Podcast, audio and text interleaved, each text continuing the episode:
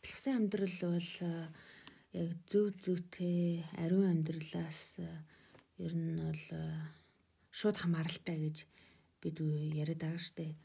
Тэгэхээр энэ ариун байдлыг яг энэ үр хүүхүүдтэйгээ харилцаж байгаа харилцаан дээр бид нэр яаж баримтлах юм бэ гэх юм бол яхаарахгүй эргээл хүүхдийн хүмүүжлийн асуудал руу орно л доо.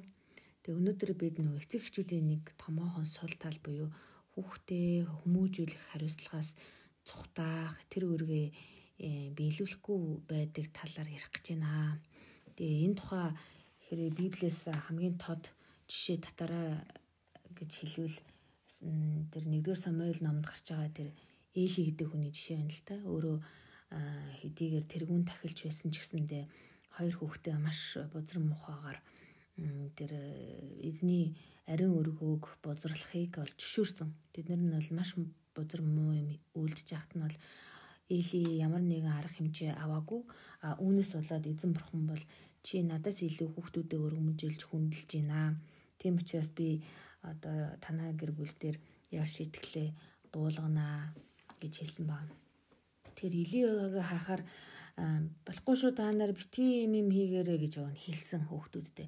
Гэхдээ нөгөөдөл нь болохоор яг бусад үндэстэн шиг тэд нар бол одоо хэрвээ сүмч одоо дуганд ирж ингэж мөрөх гэж байгаа бол тухайн тэр дуганд үйлчилж байгаа хүмүүстэй бэлгийн харьцаанд ордог ч юм уу эсвэл одоо тахилын хамгийн өөдтэй өнгөтэй бэлгийг энэ тэр тахилч нь өөрөө авдаг ч юм уу тийм одоо хандлага гаргадаг.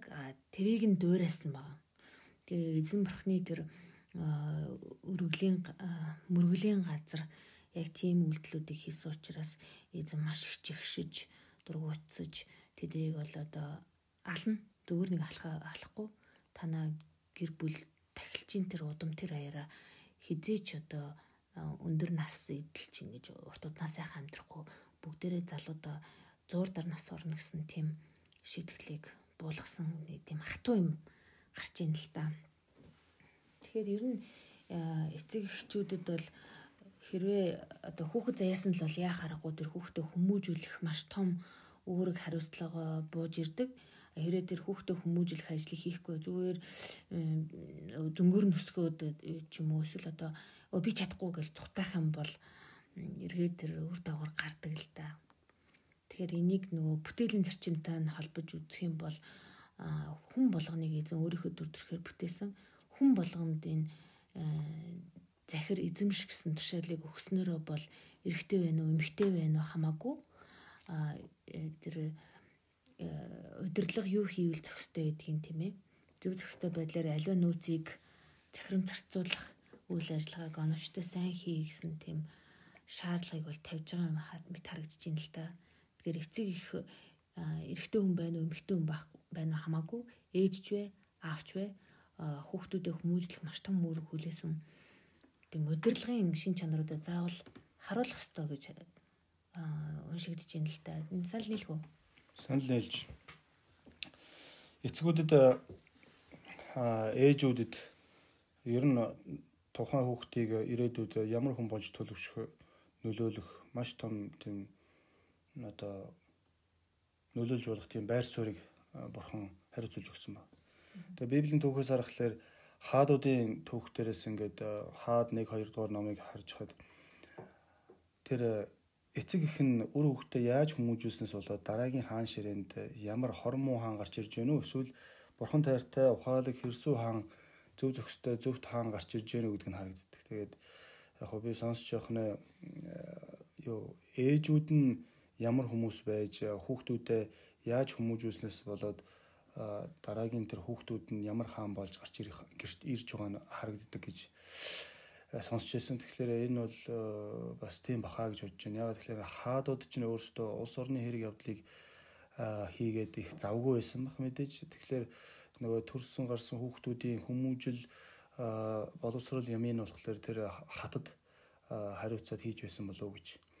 За тэгээд энэ дээрээс харах юм бол зарим хаадууд нь уг нь хаан эцэг нь өөрөө бурханлаг хүн байсан ч гэлээ гэсэн заримдаа хүүхэд нь оронд нь хаан болохоор айгүй тийм маш одоо хорон муу одоо бурханд үйлчилдэггүй, бурханд итгэдэггүй тэр байтугай өөрийн ард түмнийг зовоосон, гим нүгэлд унгаж уруу татсан тийм хормоо хаадууд гарч ирсэн байдаг. Тэгэхээр тэр эхнэр нь тэр ээж нь хүмүүжүүлж өсгөж байгаа ээжийн л нөлөө байсан болов уу гэж харагдаж байгаа юм л да. А гэтэл зарим хормоо хаадуудын одоо хүүхдүүд нь заримдаа маш бурханлаг зөвхт байдлыг илэрхийлсэн тийм үр удам өсөж тэгээ дараагийн хаан ширээг залгамжилсан түүхүүд бас байдаг. Тэгэхээр тэнд бас л нөгөө тэр хүүхдүүд боловсролын хувьд болон зан чанарын хувьд сэтгэлийн хувьд ингэж нөлөөлж хүмүүжүүлж байгаа тэр гол хүмүүс ээж байсан баг. Тэгээд тэр ээж нэрийг л одоо нөлөө авах гэж байна. Тэгэхээр яг нөгөө хаадын жишээг аваад үзэх юм бол тэднээс нөгөө эзний тэр зарчмыг бол бүрэн сахихгүй байгаа штэ. Ягаад вэ гэхээр хэрвээ яг анхны гэр бүлийг харах юм бол нэг л эмэгтэй нэг л эрэгтэй яг ээж аав гэсэн хоёр хүн харагдаад байдаг. А гэтэл хаадын хувьд болохоор олон ихнэр авдаг тийм одоо эзний зарчмын эсрэг зүйлээс ажиглагддаг л та. Тийм болохоор нөгөө бүрэн анхаарал хандуулж чадахгүй үр хүүхэд нь яхаарахгүй орхигддог. А тэгмэгц нөгөө ээж нь ганцаараа тэр өөргөө гүйцэтгэхдээ яаж гүйцэтгэхээс хамаарат тухайн хүүхдийн төлөвшөлт бас нэлээд их нөлөө орчиж ин л та.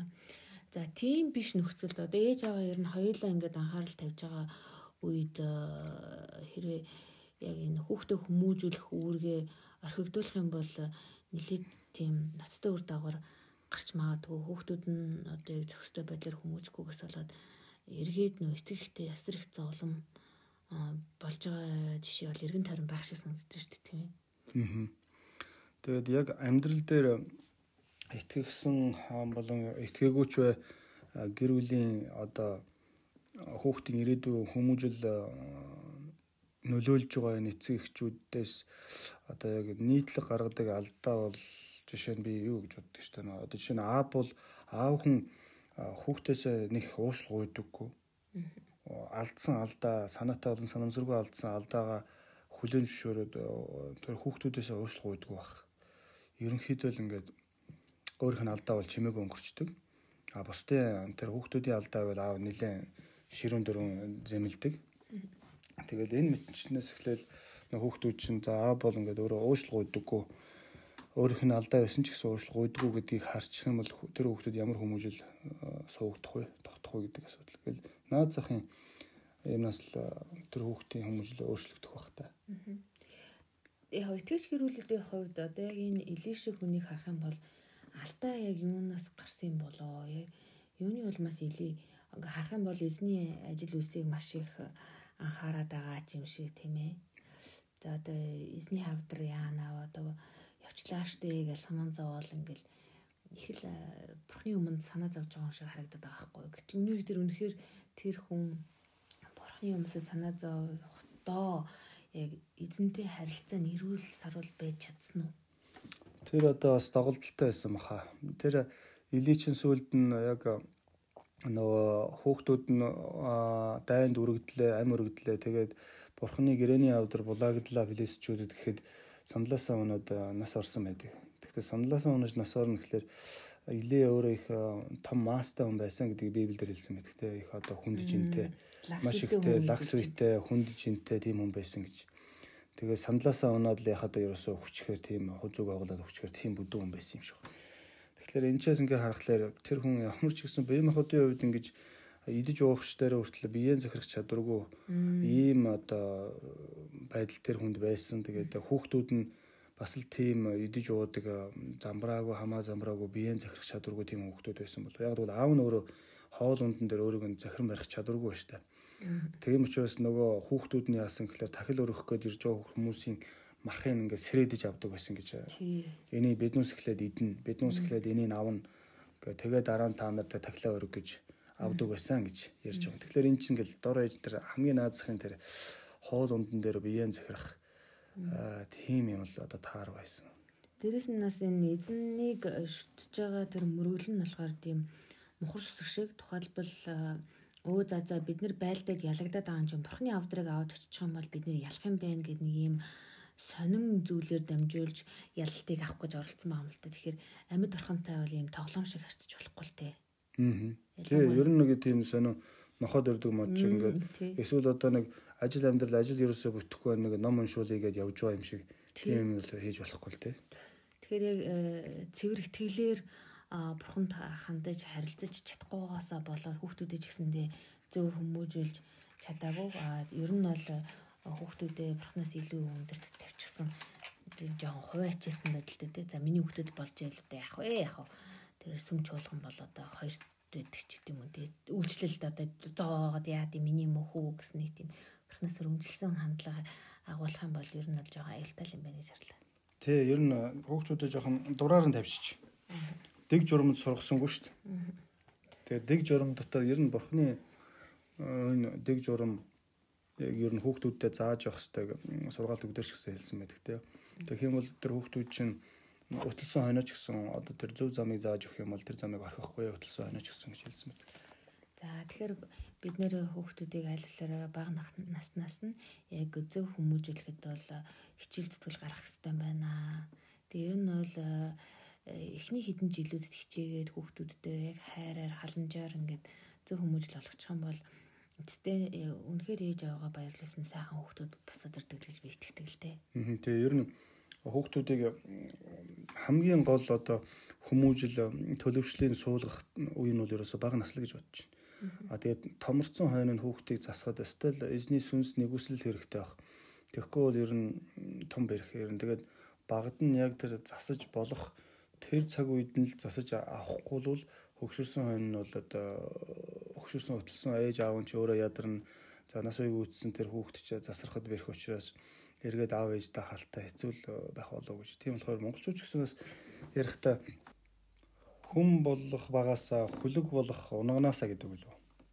Аха тэгэхээр хүүхдээ бас бүр багаас нь эцэг эхийн хувьд бол үнэхээр ингэж хүмүүжүүлэх те зөвийн замаар дагуулах үүрэгтэй юм байна гэдгийг монголчууд ч гэсэн тэггүн ухамсарлаж хүүхдүүдээс сургаж зөв хүмүүжилсэн байна. Тэгээ та нар ч гэсэн энэ ажилд нь амжилт хүсье баярлалаа.